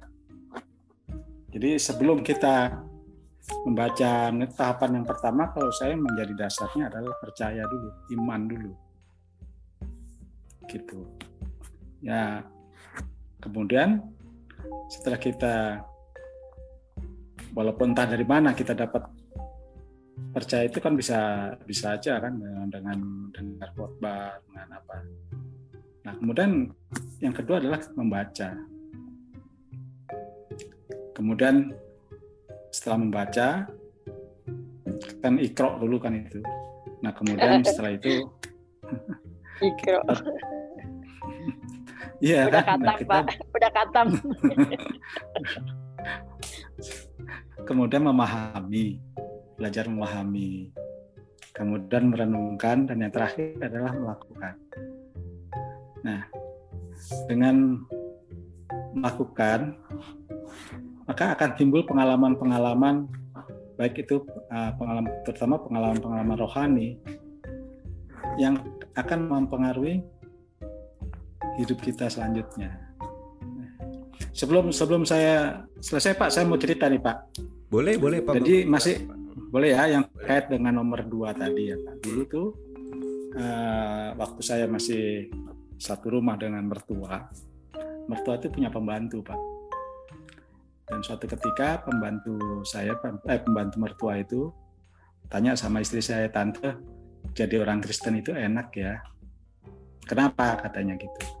Kalau sore nyanyi-nyanyi, malam mau tidur nyanyi-nyanyi dulu sama anak-anak sama itu. oh gitu istri saya nggak tahu jawab apa gitu nah kemudian waktu itu pembantu itu keluar beberapa bulan beberapa bulan setelah keluar dia telepon dia bilang tante sekarang saya udah jadi orang Kristen gitu. Oh puji Tuhan kata istri nah itu itu yang saya maksud tadi melalui kesaksian kita orang bisa mengikut Allah mengikut Allah ya nah, dengan setianya karena putus ya tidak ada hubungan saya nggak tahu.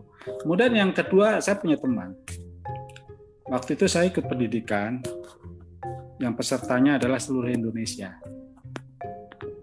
Nah, dan karena seluruh Indonesia maka kan bermacam-macam agama ya ada Islam ada Kristen nah Kristen dan Katolik kita jadi satu setiap Jumat setiap teman-teman yang Muslim itu sholat Jumat kita isi dengan uh, semacam kelompok kecil gitulah.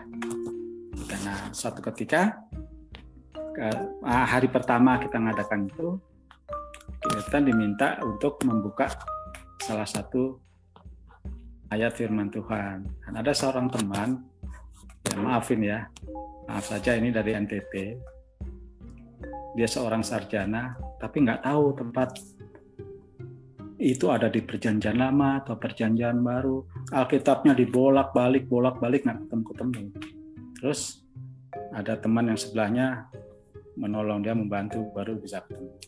Ya artinya dia itu saya ambil kesimpulan bahwa dia itu tidak pernah membaca. Mungkin juga dia jangan-jangan dia nggak pernah ke gereja juga. Tapi kalau ditanya orang, dia selalu bilang saya Kristen.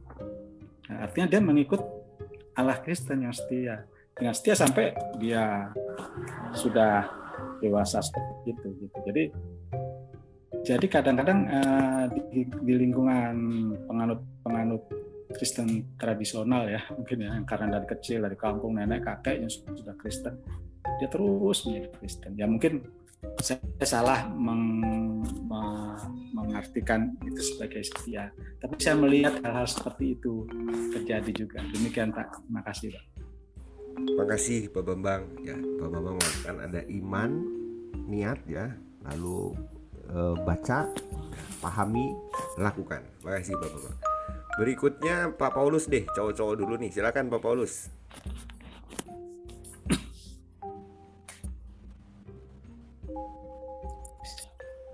Halo? Ya silakan. Kedengaran Pak? Ya kedengaran Pak. Kedengaran Pak. Ya sih sesuai dengan minat saya itu gini Pak. Sering kali yang menghalangi saya itu berubah itu adalah tentang segi dari kepribadian ya kan psikologinya gitu Pak.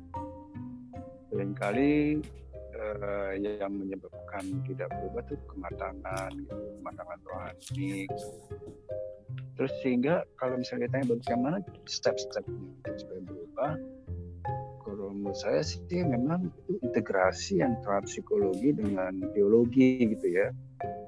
Bagaimana saya uh, memperbaiki kesehatan jiwa saya gitu. Juga bagaimana saya uh, meningkatkan pengetahuan tentang kekristenan itu sendiri. Sehingga kalau itu dipadukan mestinya sih memang akan terjadi pertumbuhan rohani ya. Yaitu jiwa yang sehat ya. Yang bahagia yang bisa memberi yang mandiri itu dipadukan dengan iman kepada Tuhan. Itu itu suatu perubahan yang yang ideal menurut saya itu pak Terima kasih Pak Paulus. Jadi menurut Pak Paulus cara yang paling baik adalah hibrid ya, artinya integrasi dari eh, banyak faktor ya. Kita itu kan ada segi psikologisnya ya. Itu bisa kita gunakan untuk kita juga waktu belajar firman ya. Eh, dikelola supaya pada akhirnya berujung pada perubahan hidup. Makasih Pak Paulus. Berikutnya adalah Ibu Nuni. Silakan Bu Nuni. Ya, terima kasih ini untuk uh, bisa mempengaruhi hidup ya Pak ya. Kalau saya mungkin uh,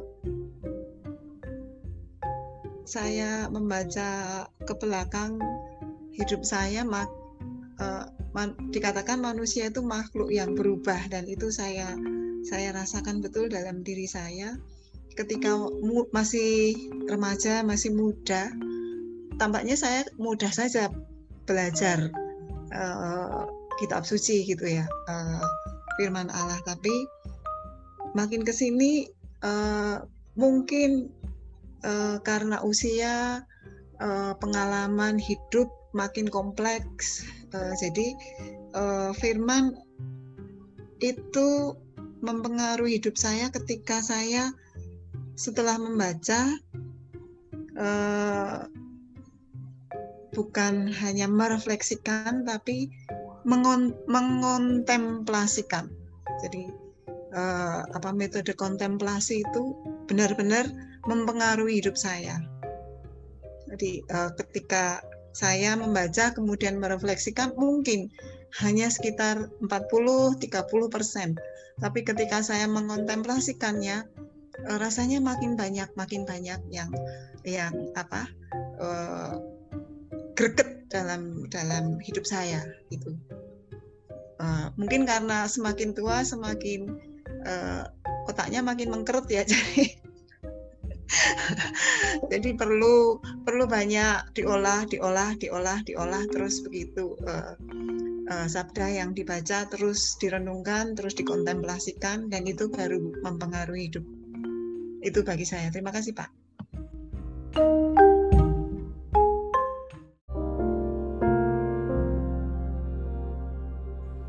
Kasih Bu Nuni. Ya betul. Jadi yang saya dapat nih dari Bu ini bahwa metode itu kita harus terbuka pada perubahan ya. Kalau usia kita kata Bu Nuni ya itu ada mungkin perubahan-perubahan ya kita juga bisa lirik begitu ya metode-metode yang yang lain yang mungkin akan menolong kita. Salah satu metode yang Ibu Nuni sharekan atau bagikan itu kontemplasi ya. Kontemplasi itu berarti ada upaya bukan hanya baca dengar tapi ya betul-betul menghayati mencerna menikmati seperti begitu makasih Bu Nuni berikutnya Ibu Dar Ibu Dar. Silakan Bu Dar. Cara yang paling efektif Bu.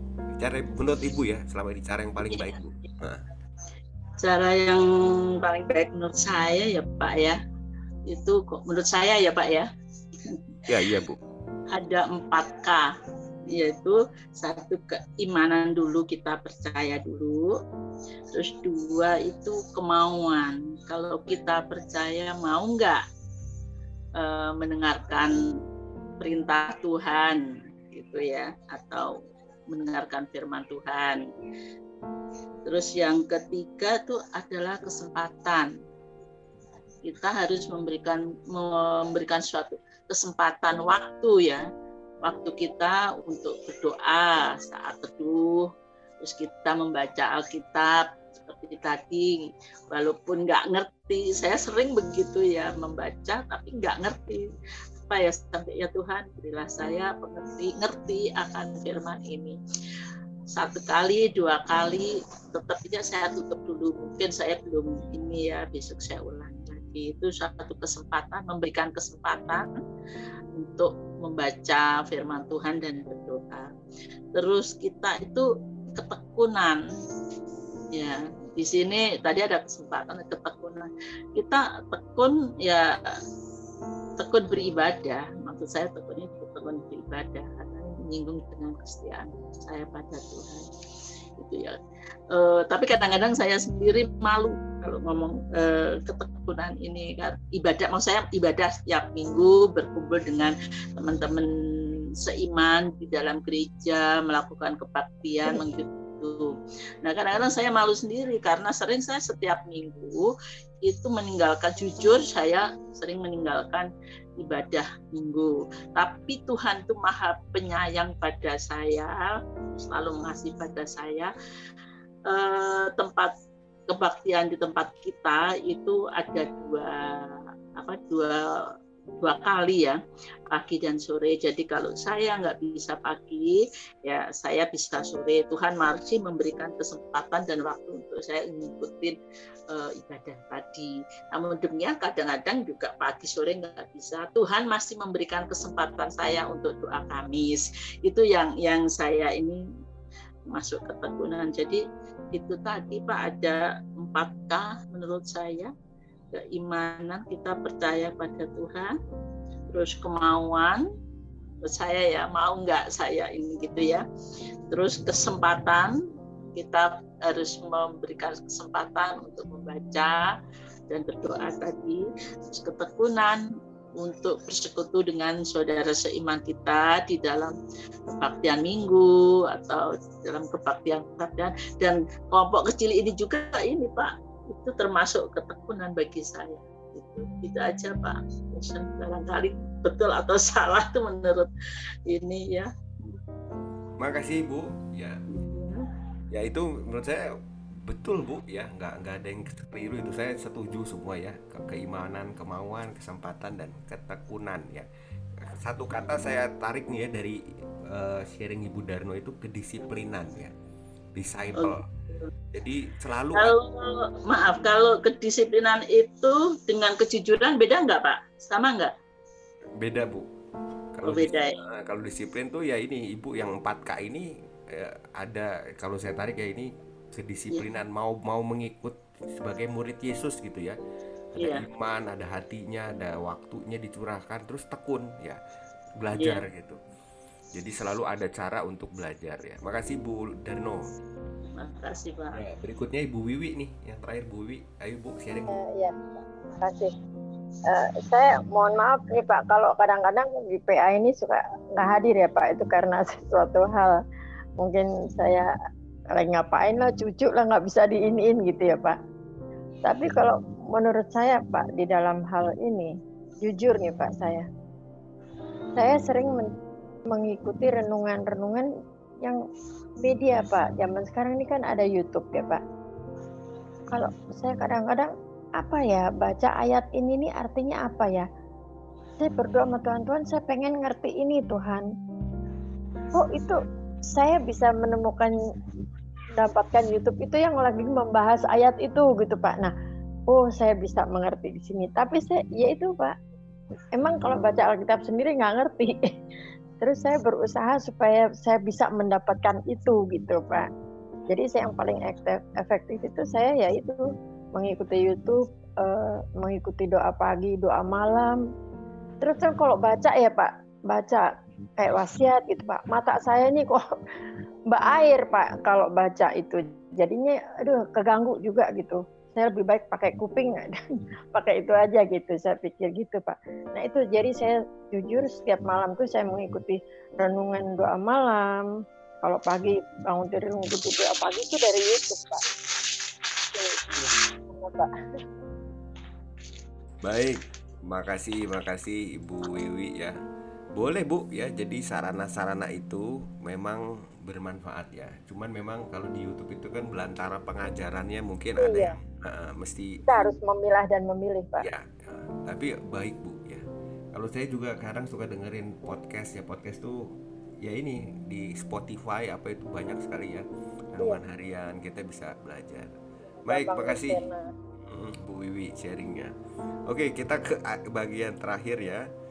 Bagian terakhir itu adalah sharing satu ayat dari Alkitab yang sangat menempel nggak bisa lepas dari pikiran dan hati Anda sampai sekarang ini. Satu ayat aja ya. Ya tentu ada banyak ayat cuman pilihlah satu ayat ya. Silakan Pak Bambang dulu mungkin Pak Bambang. Ya. Ya ayat ini mungkin ada kaitannya dengan kesulitan saya dulu memahami uh, ketuhanan Yesus ya. Jadi saya cari-cari di buku, saya baca di YouTube. Pendeta-pendeta, saya cari terus. Sulit sekali. Gimana ya orang ngerti-ngerti gitu. Tapi kebanyakan mereka tuh selalu membacanya ayat ini gitu. Makanya saya sampai sekarang tuh agak apal yaitu Yohanes 1 ayat 1 sampai 2 pada mulanya adalah firman firman itu bersama-sama dengan Allah dan firman itu adalah Allah. Nah nah puji Tuhan sekarang udah lama-lama paham juga dengan tentunya dengan pertolongan Roh Kudus bukan karena karena saya bisa ngerti gitu aja tapi sekarang ya udah paham juga sih gitu. Jadi dari dari pengalaman mencari apa keinginan memahami ketuhanan Yesus itu karena ayatnya yang sering kali dibacakan itu adalah Yohanes pasal 1 ayat 1 sampai 2 sampai sekarang ya apa bahkan sebetulnya pernah sampai di ayat 14 tapi karena lama nggak di itu jadi tinggal ayat ini yang ingat. Gitu Pak. Makasih Pak. Makasih Pak Bambang ya Injil Yohanes 1 ayat 1 sampai 2 dan juga ayat 14 Ibu Wiwi Ibu Wiwi dulu deh urutan saya Pak kalau saya tuh dari dulu kayaknya ingatnya yang ini aja 1 Petrus 5 ayat 7 serahkanlah segala kekhawatiranmu kepadanya sebab ia yang memelihara kamu jadi Amin. saya kalau ada ada kegelisahan, ada kekhawatiran, itu memang hati saya selalu berontak, Pak. Gitu. Tapi kalau saya ingat firman ini lagi, oh iya, saya tidak boleh seperti ini. Saya harus menyerahkan semuanya sama Tuhan. Itu mengingatkan saya terus, Pak. Gitu. Jadi saya berpegang itu terus. Makasih Bu Wiwi 1 Petrus 5 ayat 7 ya serahkan kekhawatiranmu pada Tuhan sebab dialah yang memelihara kamu. Bu Darno, silakan Bu Darno. Iya Pak, saya tertawa ya Pak. Uh, satu ayat yang sangat saya sukai itu Pak dari Mazmur 23 ayat 3 tapi kita baca dari Mazmur 23 ayat 1. Jadi maaf saya bacakan di sini. Itu itu ini sekali dengan eh, kehidupan saya setiap harinya ya apalagi di musim sini Tuhan itu selalu menolong dan Tuhan selalu menjaga.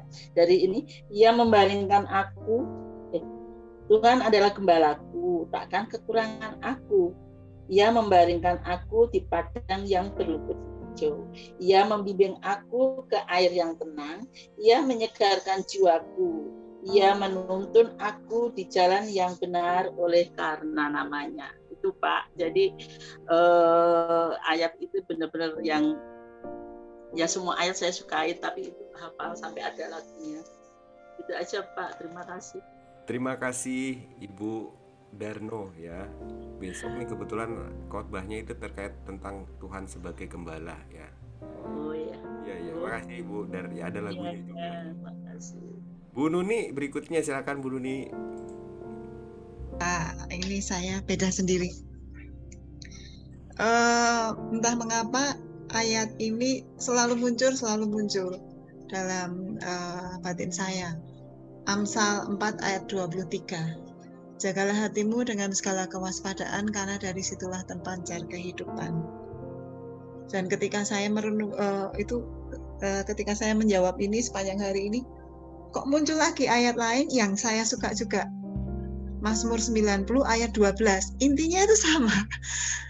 Uh, ajarlah, ya Allah, ajarlah kami menghitung hari-hari kami sedemikian supaya kami memiliki hati yang bijaksana. Jadi saya baru sadar tadi, oh ini intinya kok aku ini bergulat dengan apa? Hati menjadi menjadi pusat hidup itu. Firman Allah selalu uh, menggiring saya ke, ke untuk menyadari hati situasi hati. Gitu. Terima, Terima kasih. kasih. Terima kasih Bu Nuni ya. Amsal 4 ayat 23, Mazmur 90 ayat 12. Berikutnya Pak Paulus, silakan Pak Paulus.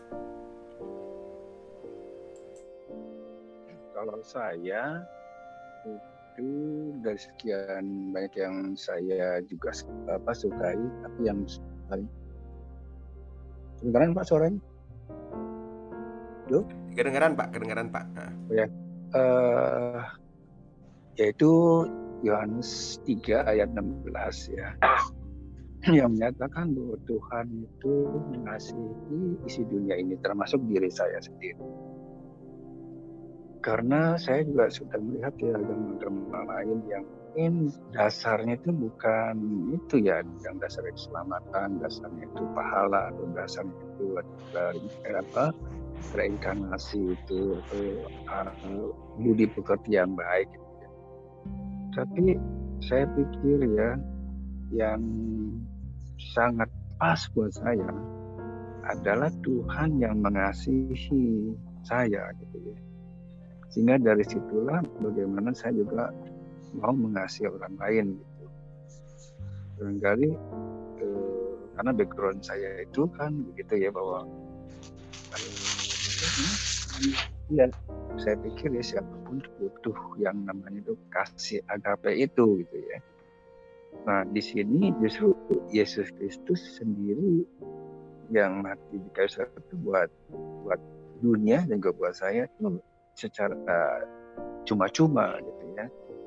Sehingga itu juga yang menurut saya sih yang dikatakan oleh Rasul Paulus maka apa tinggallah yang ada iman, harapan dan kasih itu. Ya. Tapi yang terutama adalah kasih. Kalau salah gitu Pak Esen ya kalau salah ya jadi bagaimana kasih Tuhan itu bisa mengubah kehidupan saya itu untuk menjadi apa?